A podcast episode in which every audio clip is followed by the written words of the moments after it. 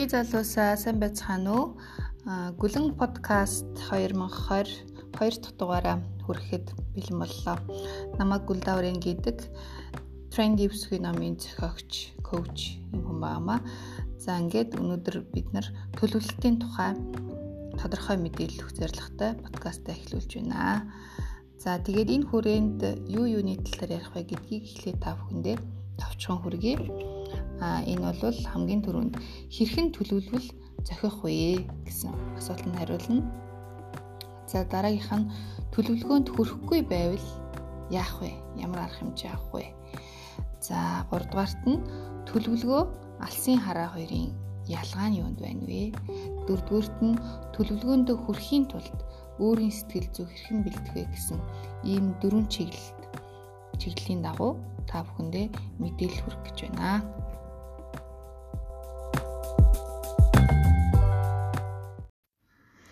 За ингээд э, хэрхэн төлөвлөх төлөвлөх вэ?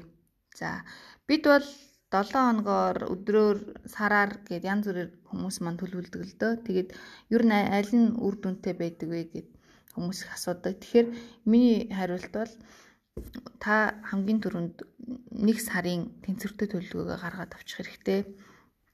За яагаад тэнцвэртэй гэж нэрлэж байгаа вэ гэхээр бид бидний амьдрал маш олон хэсгүүд байдаг. Анхаарах. За жишээ нь гэр бүл гэж байна. А хүүхдүүд гэдэг хэсэг байна.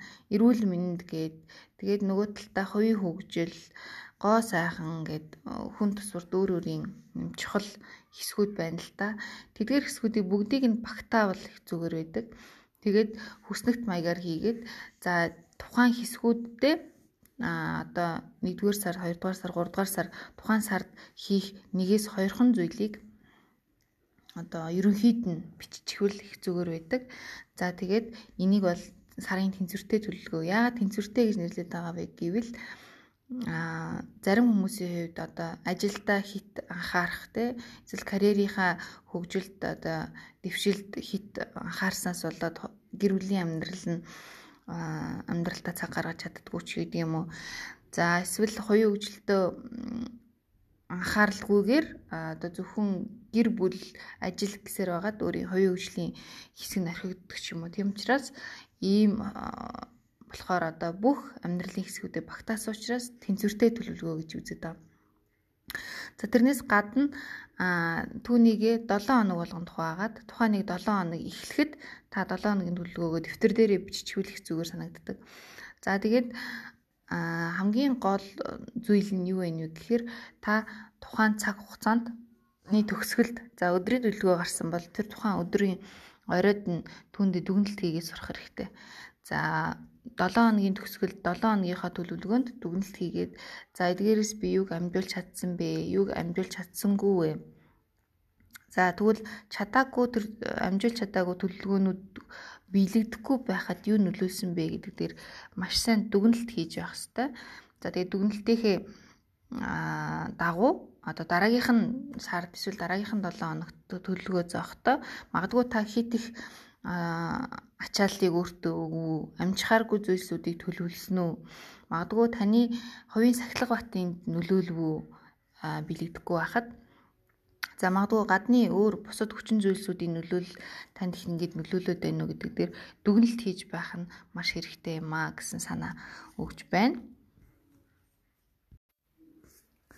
За ингээд хэрвээ одоо ихэнх хүмүүсийн хувьд төлөвлөгөө бичээд За түүнийх нь биелэлтийг ингээд харахаар за 90% та 80% та байна гэд зарим хүмүүс зарим хүмүүс нь бол 50% тач хүрсэнгүү гэд ингээд. Тэгэхээр төлөвлөгөөнд хэрэг таны бичсэн төлөвлөгөөндөө та хүрэхгүй байвал тэрийг яаж сайжруулах юм бэ? Тэгвэл яг юу хийх ёстой вэ гэдэг талаар би танд гурван тодорхой ойлголт өгөхийг хүсэж байна. Нэгдүгээрт нь аа төлөвлөгөөгөө эргэн харахтаа та хит олон зүйл бичсэн байна уу гэдгээ сайн харах хэрэгтэй дараагийн удаагийн төлөвлөгөөнд та аль болох цөөн төлөвлөлт бичих хэрэгтэй. За хит олон зүйл бичээд түүндээ хүрэхгүй байхаар нэгдүгээр та төлөвлөгөөнд хүрэхгүй байна. Хоёрдугаарт нь энэний таны сэтгэл зүйд аа би ингээд аа тэ төлөвлөсөн ч гэсэн төлөвлөгөөнд хүрч чадахгүй байна гэсэн ийм одоо сөрөг сэтгэл төрөөд энэ нь магадгүй таны дараа дараагийн төлөвлөгөөнүүдийг биелүүлэхэд бас сөргөөр нөлөөлж идэг байж болно. А тийм учраас бас багаас эхлээд цөөн цөөн зүйлийг төлөвлөөд тэрэндээ хүрээд тэрнээсээ урам аваад өөрийгөө урамшуулад тэгээд цаашаа явах нь маш их үр дүнтэй. Тэгэхээр эхнийх нь хит олон зүйл бичгээс зайлсхий гэсэн юм дүрэн байна. Хоёрдугаарт нь болохоор өөрийн боломжийг маш сайн тооцох хэрэгтэй. За тухайн сард одоо таны төлөвлөсөн төлөвлөгөөн дотор за нэг тийшээ явнаа гэд ингээд байж илаа гэж бодоход тэр нь санхүүгийн хувьд, эрүүл мэндийн хувьд, бусад одоо нөхцөл байдлуудын хувьд боломжтой байж болох үйц хурж болох үйц тийм төлөвлөгөө байх ёстой. Тэгэхээр өөрийн боломжийг маш сайн тооцох гэдэг ийм зөвлөмжийг хүргэж байна. За 3 дугаарт нь болохоор а магадгүй та тэр төлөвлөгөөндөө хүрэхгүй байхад зөвхөн танаас шалтгаалсан зүйлс байж болно. Энийг би хувийн сахилга бат гэж хэлээд байгаа. Тэгэхээр хувийн сахилга батаа сайжруулад за залхуурлаа багсгаад За одоо өөртөө өөрөө маш чанга одоо одоо шаардлага тавиад тэрэндээ хүрдэг ийм байдал байдлыг өөртөө суулгана гэсэн ийм зөвлөмж өгж юм. Тэгэхээр төлгөөндөө хэрэг хүрдэггүй бол та энэ гурван зөвлөмжийг нэг дагаад үзээрэй. За дараагийн хэсэгт болохоор төлөвлөгөө алсын хараа хоёрын ялгаа юу байдаг вэ гэд сайхан би нэг ярилцлаганд ороход асууж исэн. Тэгэхээр төлөвлөгөө алсын араа. Алсын араа гэдэг бол яг ингээд сонсоход ч гэсэн арай урт хугацааны сонсогдож байгаа үстэй тий. Тэгэхээр төлөвлөгөө бол илүү богино хугацааны алсын араа гэдэг бол за нэг 3-аас 5 жил түүнээс дээш хугацааны таны одоо хүсэл мөрөөдөл мөрөөдлүүдийг багтаасан тэм зүйлсийг бол алсын араа гэдэг байгаа. За төлөвлөгөө болохоор харьцангуй богино хугацааны. За тэгээд алсын харааг хийхдээ алсын харааны самбар гэд тий алсын харааны самбар гэд гарах нь илүү үр дүнтэйгээ дэлхийн нийтээрээ бас энэ аргыг хэрэгэлдэг.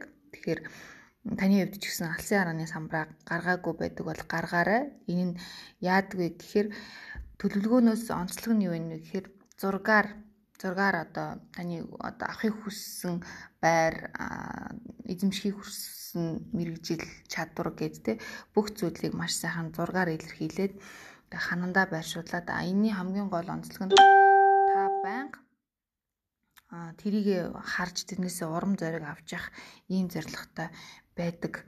Бол төлөвлөгөө болохоор харьцангуй богино хугацааны а дээрэс нь илүү нөгөө бичих талдаа а дэвтэр дээрээ бичээд төлөвлөөд ингээд явах ийм хоёр ялгаатай. Тэгэхээр та хоёулангийг нь хийгэрээ гэж зөвлөмөр байна. За дараагийн хэсэгт онцолж байгаа зүйл нь юу гэхээр төлөвлөгөөндөө хүрэхэд өөрийн сэтгэл зүйгээ хэрхэн бэлдэх вэ? За тэгэхээр төлөвлөгөө биччихлээ. Тэрнийхээ үр дүнд хүрэх тухайд авч үзэх юм болохоор болвол хүн сэтгэл зүйд өөртөө маш ихтгэлтэй байх хэрэгтэй. Мэдээж та өөрийнхөө бичсэн зүйлдээ өөрөө маш ихтгэлтэй байж гэмийн түүнийгээ биелүүлэхэд маш дөхөн болно.